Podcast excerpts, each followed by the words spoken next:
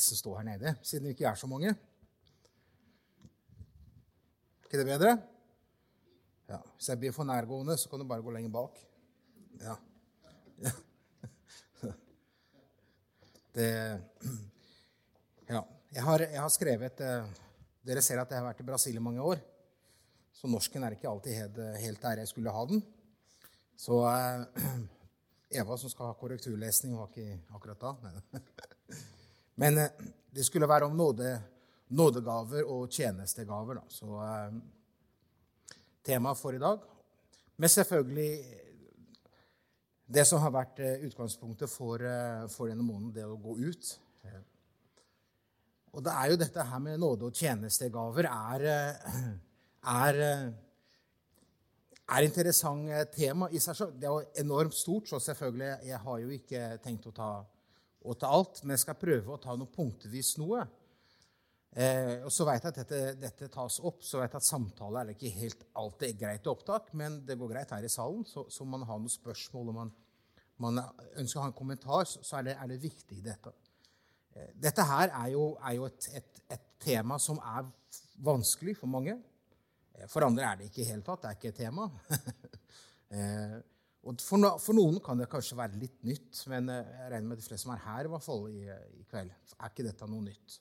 Og man har snakka om dette her, og man har på en måte noen tanker, tanker rundt det. Og jeg skal prøve, prøve litt å, måte, å, bruke noen ord for å definere hva, hva, er, eh, hva er nådegaver og tjenestegave? Og da har ikke jeg definert det. Jeg har, eh, jeg har plukka ut fra noen andre som har definert det. Bare som bruk som et eksempel. Og så skal jeg veldig kort ta, ta i forhold til Gamletestamentet, sånn, for ikke man skal bruke for mye tid på det.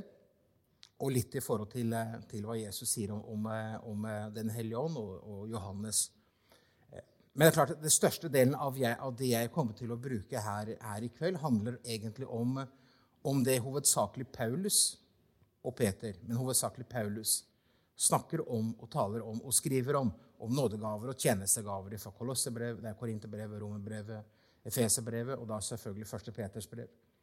Eh, og da, Det kommer opp her, så, så, eh, så dere får litt, litt å, å, henge med. Så, så det er litt lettere sånn og jeg har, ikke, jeg har, ikke, vært så nøye med å skrive alt. Så, eh, men det er en som har prøvd å, å definere nådegaver på, på følgende måte.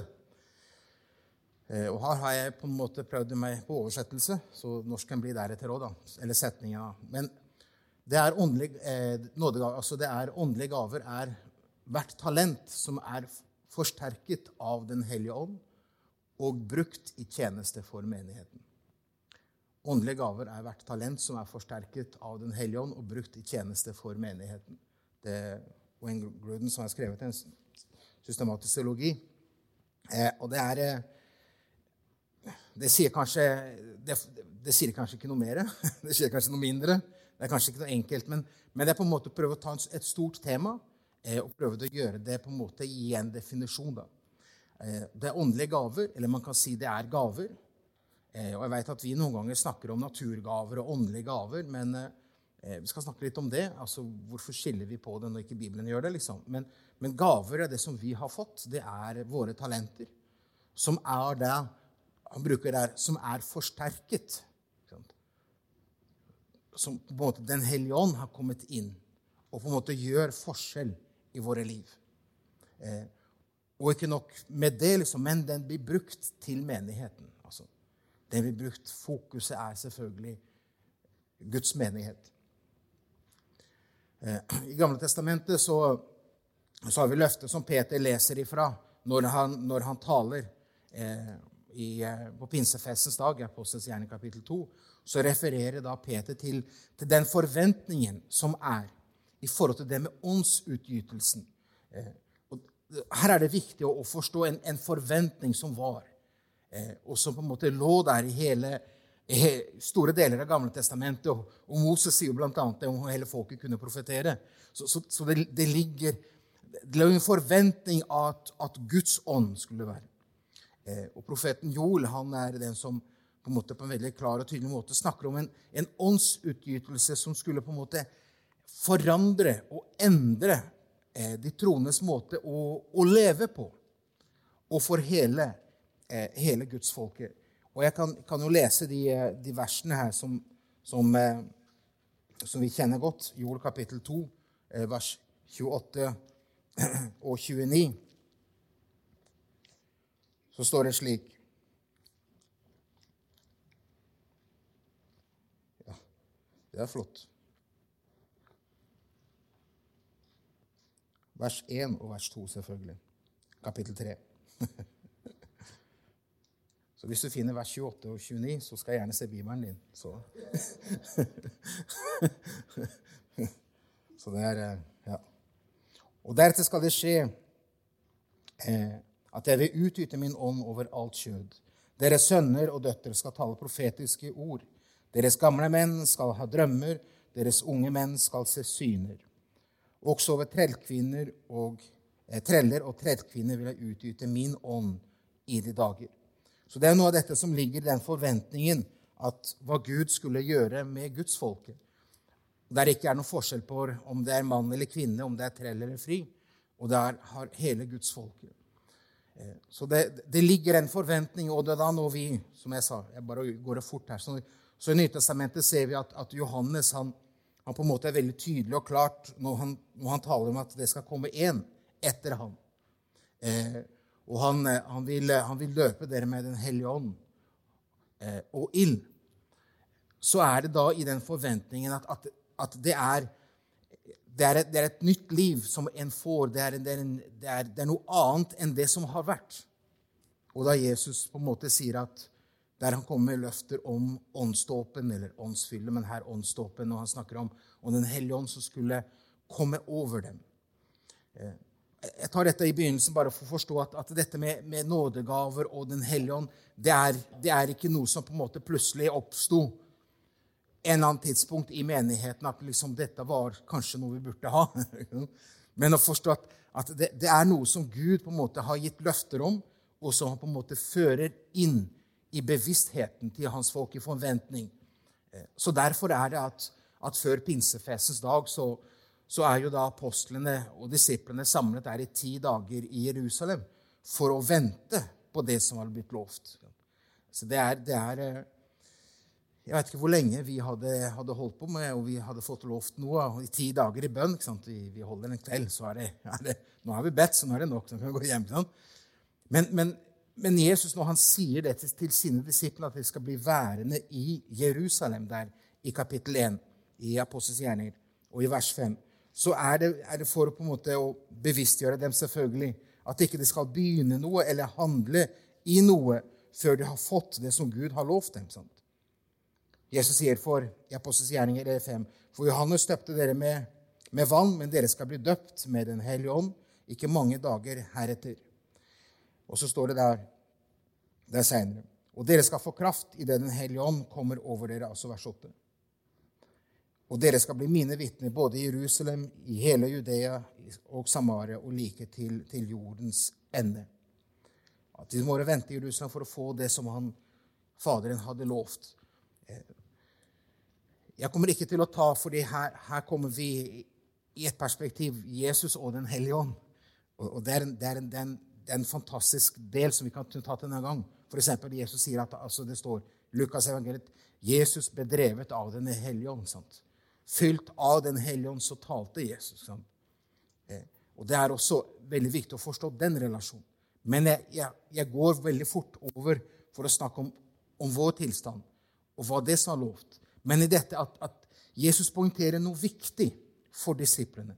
Dette med åndskraft. Det er et åndsutgytelse. Og det er klart at nå begynner vi å trå på ting som her for noen mennesker er, er, er noen ganger vanskelig, fordi de, de, tenker plutselig sånn høykarismatikk. Altså at man på en måte, at en måte det er liksom, Du har liksom ingen kontroll lenger. Liksom, du er bare helt gæren. Eller et eller annet greie. Og forstår ikke at, at det, er, en kraft til liv. Det er en kraft til tjeneste. Og nådegaver og tjenestegaver har med kraft til tjeneste.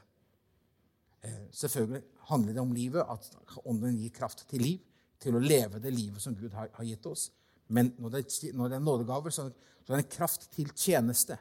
Eh, og da den utrustningen som, som Herren vil da, vil da, gi oss. Så kan jo man da spørre hva er formålet med nådegavene? ikke sant? Trenger vi dem egentlig? ikke sant? Vi har det veldig, veldig greit mange ganger. ikke sant? Vi har jo det veldig uavhengig. Ja. Altså, hva er, hva er, poenget med det? Eh, og om vi er bevisste eller ikke, så trenger vi det, og så har vi Den hellige ånd. Eh, men så er det en kilde som bør være i våre liv, og Den hellige ånds kraft. Og som jeg sa her i Apostelgjerning 1.8, kraft til tjeneste og kraft til å vitne. Eh, formålet med nådegavene er jo på en måte å forvandle Og ikke bare forvandle, men å, å hjelpe oss til å tjene Gud. Så det blir mer enn oss. Det blir Han. Eh, og Det handler med utrustningen som Gud da, da gir. Og da dette formålet så taler Paulus her i 1. Korinterne kapittel 14 eh, og vers 12. Eh, etterpå her så skal jeg, skal jeg vise dere listene på nådegavene, hvor, hvor, hvor, det står en. Og det er de hovedtekstene om, eh, om nådegavene. Men, eh, men, Paulus han sier noe viktig angående det, dette med, med disse nådegavene og tjenestegavene der i 1. Korinterne 14, kapittel, kapittel 14, beklager, og, og vers 12.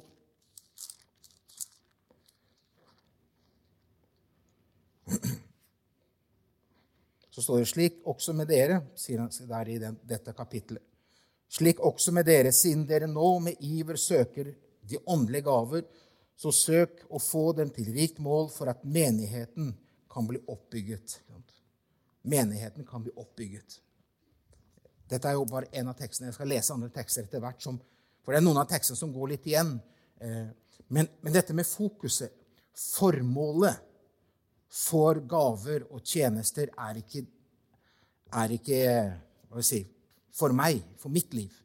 Det er for min neste i menigheten.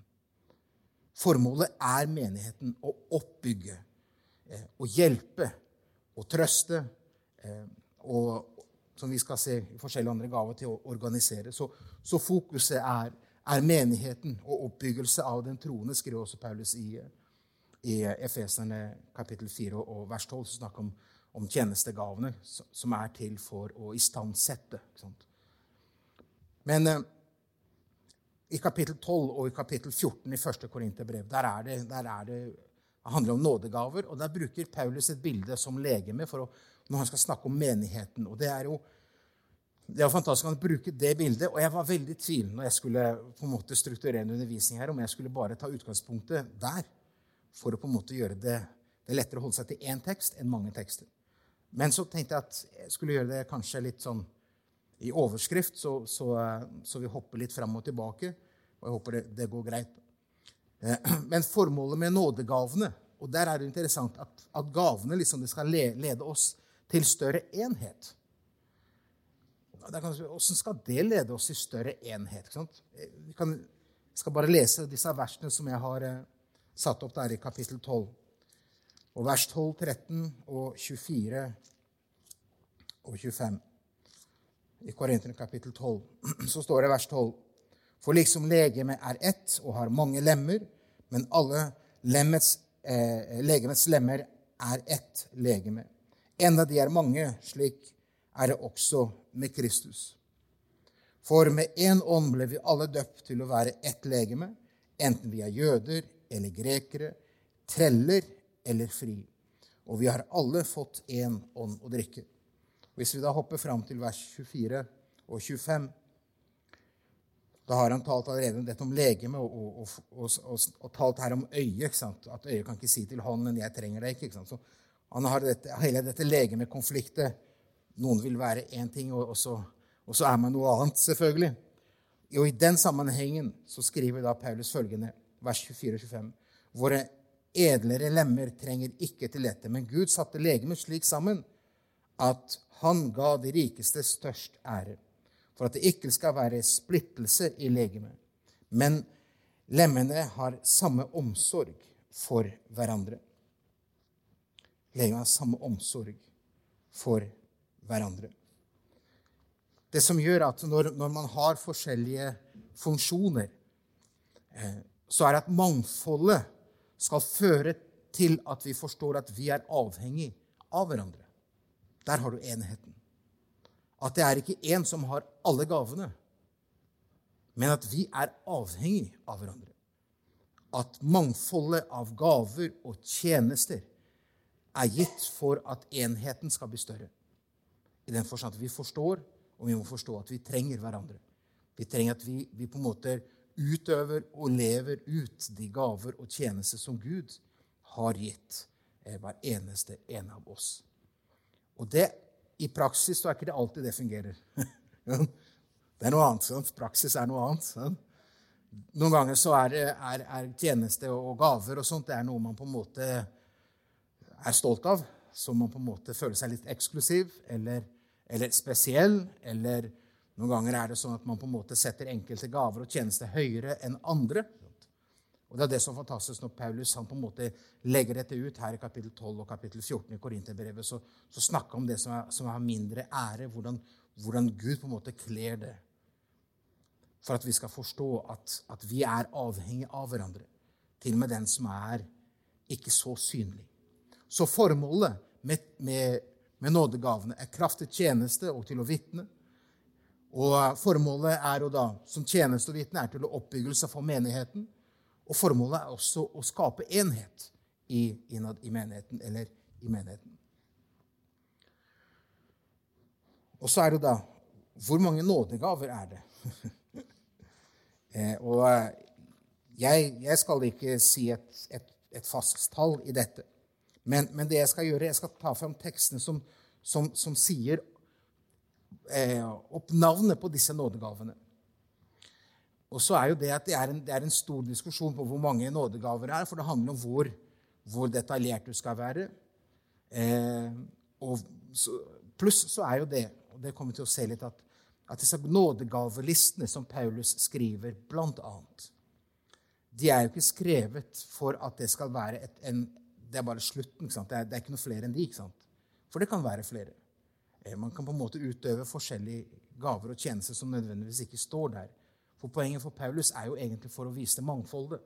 Hva Gud utruster oss med, og ikke bare de nødvendigvis.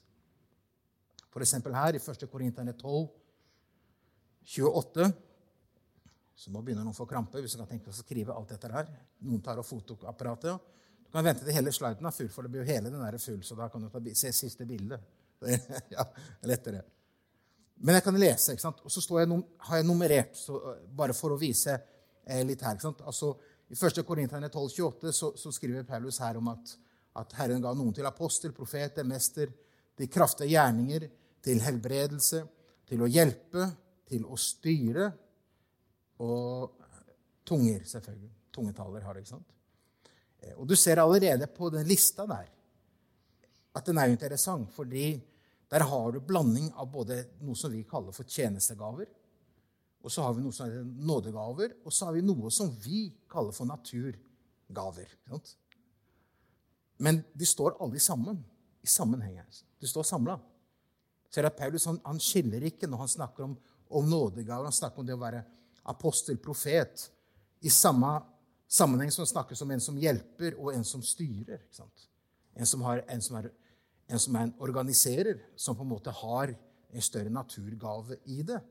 Og så har du da de som har på en måte helbredelsesgave og, og, og tungetale. Så står det i samme liste apostel, profet, som på en måte er tjenestegaver. Eh, så vet at, Hvorfor gjør Paulus det? Og Det har noe med det at, at vi Jeg skal vise de andre listene her, så du ikke forsnakke meg her. Men, men det å forstå at alle gaver som vi har, om det er naturgaver eller åndelige gaver, så må vi forstå at det er fra Gud. Han er kilden til alt av det vi på en måte har i våre liv. Det er ikke noe vi har på en måte kommet opp med oss selv, men det er Gud som har gitt oss disse her. Og det, det, Den delen er så viktig fordi når vi noen ganger deler mellom åndelige gaver og naturgaver, så er det mer vår, kanskje vår sammenheng, eller andre sammenhenger så kan man hende at si at åndelige gavene, det er flott. Naturgavene, liksom, det er ja, selvfølgelig kan man, kan man være flink med å, med å, styre, med å hjelpe, med å snekre, med å spille. ikke sant? Men det å tale tunger det er jo mye større enn naturgavene. Og når du ser Paulus, han skriver det alltid i en sammenheng. For å vite at det er ikke, det er ikke noen rangering av hva som er størst og minst. Men her er rangering av hva Gud gir. Han er kildene til alt. Så, så at, at, den tjenesten man gjør, er ikke at ja, ja, jeg er, jo, jeg er jo flink til noe praktisk, men jeg har liksom ikke de der eh, veldig åndelige gavene. Så liksom eh, så på en måte glemme at man skal tjene Gud med det man har fått. Og så kan man snakke om liksom det med å, å søke selvfølgelig andre. Her i andre, eller 1. Korinterne 12, vers 8 og 10, så snakker han der om visdomstale, om kunnskapstale, eh, om gave til tro. ikke sant? Og så står det der i parentes fordi det gjentas noen av disse. Nummerering er i forhold til så man får på en måte riktig antall. Så helbredelser er som, eh, er som helbrede eller undergjerninger, som kraftige gjerninger. Samme som det. Profetisk tale. Her er det mer en, i forhold til handling. og Det er en diskusjon på det, om det er snakk om tjenesteprofet, eller om det er Og der borte er det bare, bare snakk om, om, en gave i, i handling. Og Så har du prøveånder, og så har du igjen åtte igjen tunger og tydninger av tunger. Så du ser der, 1. Korinterne 12, 8-10, i den lista der så gjentar noe som står litt før. Det er litt viktig å gjøre det sånn for at man kan få litt oversikt. ikke sant? Efeserne kapittel 4, vers 11, så snakker han om tjenestegaven. ikke sant? Apostel, profet, evangelist, eh, hyrde og mester, eller lærer. Og Grunnen til at jeg skriver bindestrek og ikke 'og', er for at Det er jo en debatt i det, så jeg skal ikke si for mye om det. Men jeg kan bare si det sånn at at mange mener at egentlig så hører de to sammen i den lista som Paulus skriver. Det er ikke mester og så hyrde, eller hyrde og så mester, men hyrde og mester. Det, det er en tjeneste som går sammen i hverandre. Eh, noe litt mer av det enn det andre, men, men, det er noe som hører sammen. Hyrde og mester. Så det er da tjeneste, tjenestegavene. Så Romerbrevet kapittel 12, vers 6-8, der er det en liste av nådegaver. Da står det igjen profet. ikke sant? Men neste står det tjeneste. ikke sant? Så da blir det nummer 16. Ikke sant? Det er tjeneste, og så er det lærer. Så er det formane, oppmuntring eller trøst. Jeg vet at Den oversettelsen som jeg har her i, i, i Norsk bibel 88, med, med, som er da 2007 nå, eller 2008, så brukes det ordet 'formane'. Eh, i 2011-oversettelsen eller Guds ord så brukte ordet trøst, og det, det er kanskje litt bedre. Eh, Formane høres jo at du at du har en tjeneste til bare Og noen kanskje liker den tjenesten med å være der med pekefingeren. Sant? Noen som føler seg veldig, veldig kaldt der til å være den som formaner og sier alt gærent hva du gjør. Eh, men i sin kontekst og i, sitt ord så er det, ikke, er det ikke en formaning. Har det ikke bare med det å korrigere, men det har med å trøste og det har med å oppmuntre. Eh, og ikke bare selvfølgelig det med Og så er det i forhold til gaver eller gavmildhet. Det, det å gi. Det å lede. Jeg skal lese de, de versene der. Så, så, hører dere ordlyden her på, på en riktig måte. Det er i vers 6 til vers 8 i Romerbrevet 12. Der prøver jeg å skrive alt dette All etter den nåde som er oss gitt, har vi ulike nådegaver. Om noen har profetisk tale, skal han bruke den i samsvar med troen. La den som har tjeneste, ta vare på tjenesten. Den som er lærer, må ta vare på lærdom. Eh, den som formaner, på formaningen. Den som deler ut gaver, og det er ikke deler ut nådegaver, altså, men deler ut av det en har, eh, må gjøre det med et redelig sinn. Den som er, er forstander, må gjøre det Eh, det med iver. Leder. Eh, og den, som, eh, og den som øver barmhjertighet, må gjøre det med, med glede. Så Jeg har brukt, satt opp litt andre ord bare for å bryte av i forhold til den oversettelsen jeg har. Så du ser at inntil nå har vi, har vi 20, 20, nådegaver.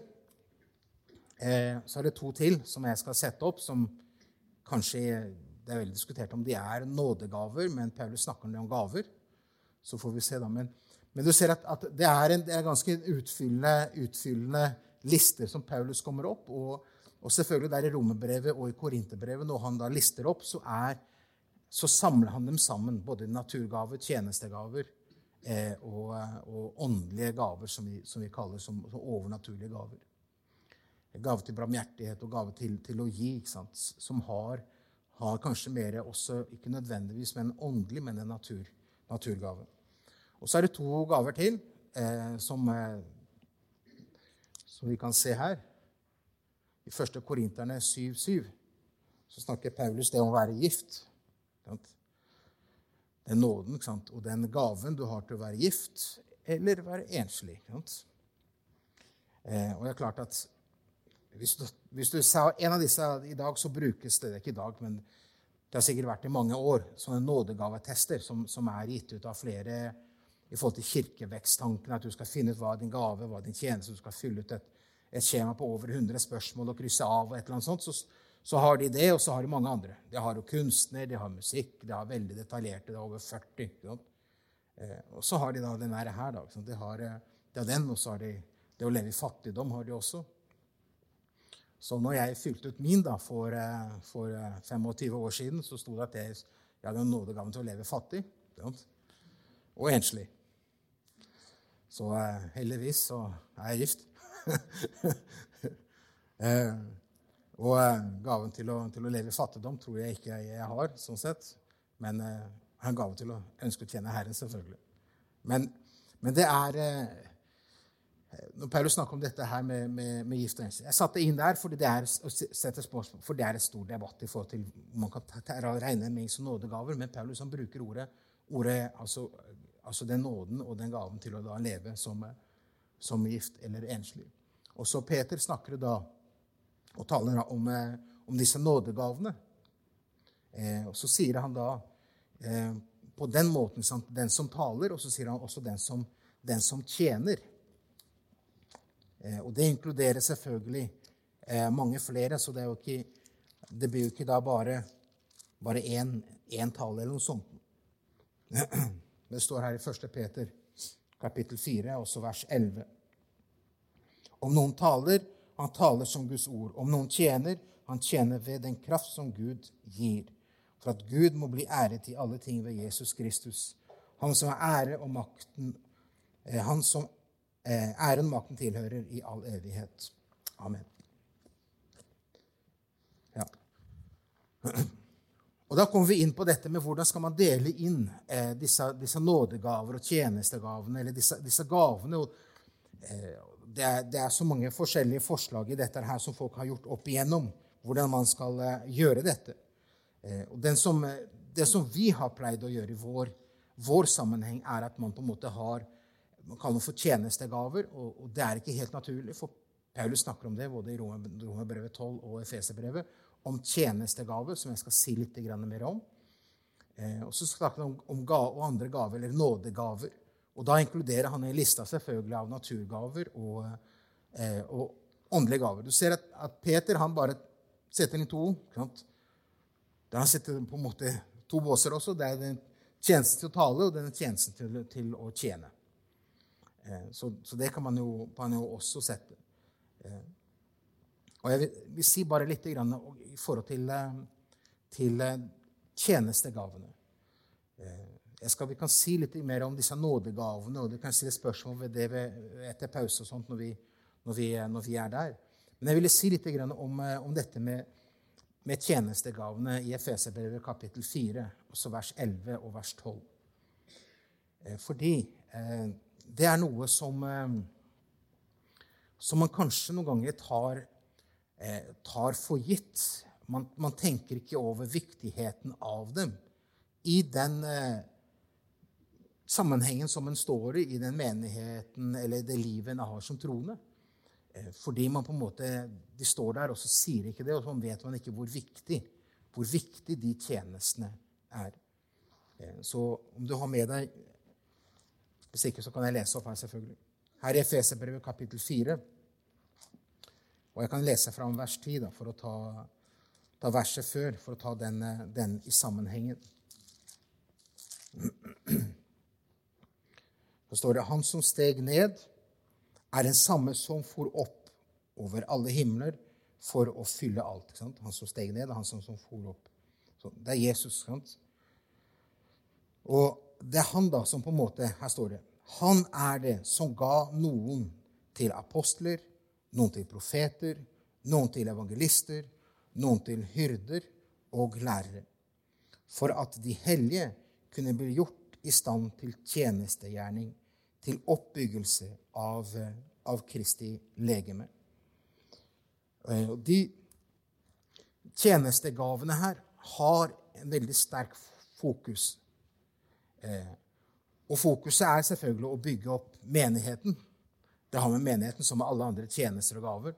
Men den har en veldig, veldig sterk fokus på den enkelttroende. troende å bygge opp. Eh, for å istandsette.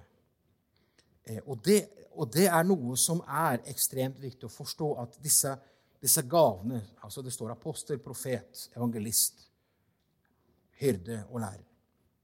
Apostel er jo en debatt i dag og det mange, om det egentlig eh, som tjenestegave er en, er en, tjenestegave som opphørte med apostlene. Og det er ikke noe som på en måte er i dag. fordi når man lister opp her, så er det på en måte av det aller viktigste er apostel. Og apostel hadde vi, hadde vi, vi tolv med Mattias. Eh, og de hadde en spesiell tjeneste. Eh, og Paulus, når han, når han, skriver dette, så er han selv en apostel. Eh, og som på en måte har en spesiell tjeneste. I Gamle testamentet, dem som bærte fram eh, ordet, det var jo alltid profetene i Gamle testamentet. De hadde autoritet fra Gud til å si 'så sier Herren', og det de sa, det skulle være fra Gud. Jesus kaller ikke sine disipler og apostler for profeter i Nytestamentet, men han kaller dem apostler, utsendere og utsendinger. Det kan være av flere grunner. Noen mener at at ordet profet er på en måte brukt også i gresk og i andre sammenhenger på en, på en helt annen måte. Eh, og Derfor er det for, på en måte for å poengtere dem sin tjeneste. Men apostlene de hadde jo samme autoritet, og enda mer selvfølgelig, som profetene hadde i Gammeltestamentet. Fordi de fikk åpenbaring til å skrive ned og ble inspirert til å skrive Guds ord. Og som er på en måte rettesnor for våre liv. Så dette med å ha apostler og det er noen men noen prøver å trekke det inn da, dette her, debatten, at apostlene er her i Efesene 4 er ikke snakk om aposteltjenesten til apostlene, men det er en, det er en, det er en, en utsender, en menighetsplanter eller, eller, et eller annet der. Det man kan si om dette her, det er at vi vil aldri lande på noe i det. Man vil alltid ha en debatt i det. Eh, så, det, så eh, jeg vil jeg, jeg, for min del, for å si hva jeg opplever det, så kan jo det på en måte stå hvordan du opplever det. og, og kjennes. Så opplever jeg at Når Paulus snakker om apostel, så lister han opp de tjenestegavene som er gitt til menigheten, også for dem da. Og da mener jeg at aposteltjenesten den opphørte med apostlene. Så det tjeneste som vi har, det er profettjeneste, det er evangelist og hyrde og mester. Og så kan du sikkert noen være her uenig i det, og det er helt greit. Det er ikke noe problem. det er helt greit. Eh, men jeg opplever at det har vært ja, For 20 år siden og 25 år siden var det veldig den der at man skal ha aposteltjenesten tilbake. Og eh, du har noen sånne veldige apostel, apostler i forskjellige sammenhenger. Eh, og som gjør at på en måte istedenfor å samle, så sprer de ganske godt. Eh, og som på en måte har en Bruker da tjenestegavene til å posisjonere seg. Det er en høyere gave og tjeneste enn enn alle disse andre. ikke sant? Men Paulus sitt fokus her er at tjenestegavene er for å istandsette. Så de tjenestegavene her, altså som profet, eh, evangelist og hyrde, det er viktig for menigheten og for den troende å istandsette til tjeneste. De, de, gavene der er ikke bare for at de skal på en måte ha en, ha en, en, en tittel, eller de skal bare gjøre noe, eller et eller annet greier. De har en oppgave som de skal stå i ansvar for Gud. Dette med å istandsette. Fokuset er å istandsette. Fokuset er å ha de menneskene som Gud har lagt rundt dem, til å på en måte istandsette, hjelpe dem frem. Og der, der kommer jo Profetene har jo med, med åpenbaring, med, med, Guds ord, og på en måte å få lov til å komme med ord på en måte som løser ting. Eh, så har du da evangelisten som er med på en måte å, å bryte litt i i oss alle. Man er liksom der, De fleste liker ikke profeter, veit jeg. Det, det er sånn der som kommer her og så skal si meg noe. Det vil jeg helst ikke. Og evangelisten er noe som kan for andre kan det være litt eh, masete. For her kommer han, nå må vi gjøre noe igjen. Da skal vi gjøre noe. Men det er viktig tjeneste for, for på en måte å få, få de troende istandsatt til å gå ut, til å gjøre, til å handle. Eh, det er som en, som en plogspiss som på en måte Det er ikke en diplomat. Det er ikke en som på en måte er der for å glatte over. Han, han kjører på, ikke sant? så man kjenner det. Den er viktig for å på en måte riste i folket. Og så er det hyrde og lærer. Hyrde er den som samler. For den som samler flokken for å lede og lære og undervise i det Herren har sagt. Det, for, at, for, at, det kan løse ut ting i livet. For at livet blir noe av det som, som Gud gir.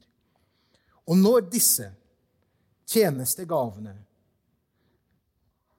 er borte fra menigheten, hva skjer? Jeg, jeg tror alle de er borte, fordi, for det er Gud som måtte dele det ut. Sant? Men man kan si det er borte i den forstand at man på en måte verdsetter det ikke for å hjelpe eh, For å hjelpe fram av det, av det Gud vil i den troen. Og jeg tror mange, mange, menigheter og mange mennesker på en måte har på en måte lidd mye ting i sitt liv fordi de ikke har hatt hva jeg vil kalle åndelige ledere. Og det vil jeg kalle for tjenestegavene, er åndelige ledere. Mennesker som er kalt til for å lede, eh, og som er, er ekstremt viktig. Og de skal ikke lede for å gjøre folk avhengig av seg. De skal istandsette de troende til tjeneste. Så folk kan gå videre så folk kan finne sin tjeneste, så folk kan gå i tjeneste. Så, ja. Den viktigheten av, av, dette her vil jeg ønske bare å poengtere dette med tjenestegavene. Fordi jeg opplever at det er, det er noe, noe, vanskelig i dag, og noen ganger har det blitt en, profesjon for noen. Det er blitt et, et, yrke. Det er noe man bare gjør. Det er en stilling. Men det er først og fremst at Jesus, han satte noen til. Og det er det som er det er det å, forstå at disse gavene det er ikke noe som på en måte jeg har kommet på, eller noen mennesker har kommet på, men det som Gud har gjort. da. Nå vet jeg tiden nærmer seg her, da. Og Da har vi dette med, med, med, gavene.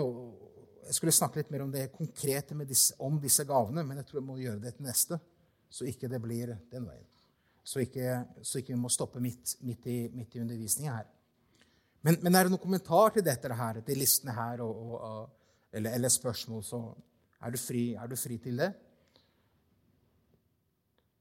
Er det sånn dere på en måte Er det noe som mangler i den lista der? ja.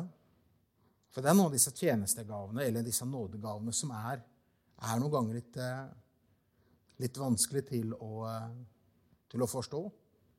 Men du ser at det er en, det er en åndelig gave. Og jeg skal si litt om dette etterpå. At det er Den, den hellige ånd som gir, og hvorfor, hvorfor han gir det. Ingenting? Ingen spørsmål? Ja.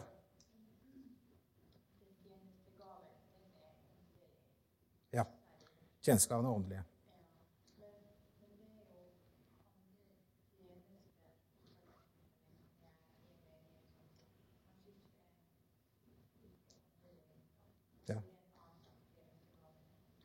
Ja, altså, ja, som du sier, at det finnes andre, andre, andre tjenester enn en disse tjenestegavene som ikke er så åndelige, eller noe sånt, eller man har en annen kategori på det. Det som er med disse tjenestegavene, de, de har en spesiell med, med å istandsette den troende. Så har man andre, mange andre tjenester i menigheten som har med at, at, at det har for å bygge opp menigheten. Det liksom, som er, er med både det praktiske og det åndelige. sånn sett. Og det, det, er ikke en annen kategori i det for å si at det er liksom en og annen, men, men, det er bare at, at tjenestegavene har en veldig spesifikk tjeneste. Det, det, å sette i stand, altså det å løse ting for, for mennesket og menigheten. da. Eh, og, og, og, disse andre gavene er jo, er jo viktig at de er der. Det er like viktig. Ja. Eh, men å forstå at de, disse gavene, tjenestegavene er gitt på en spesiell måte fordi menigheten trenger dem Eh, enda mer enn om du på en måte tar vekk alle disse andre.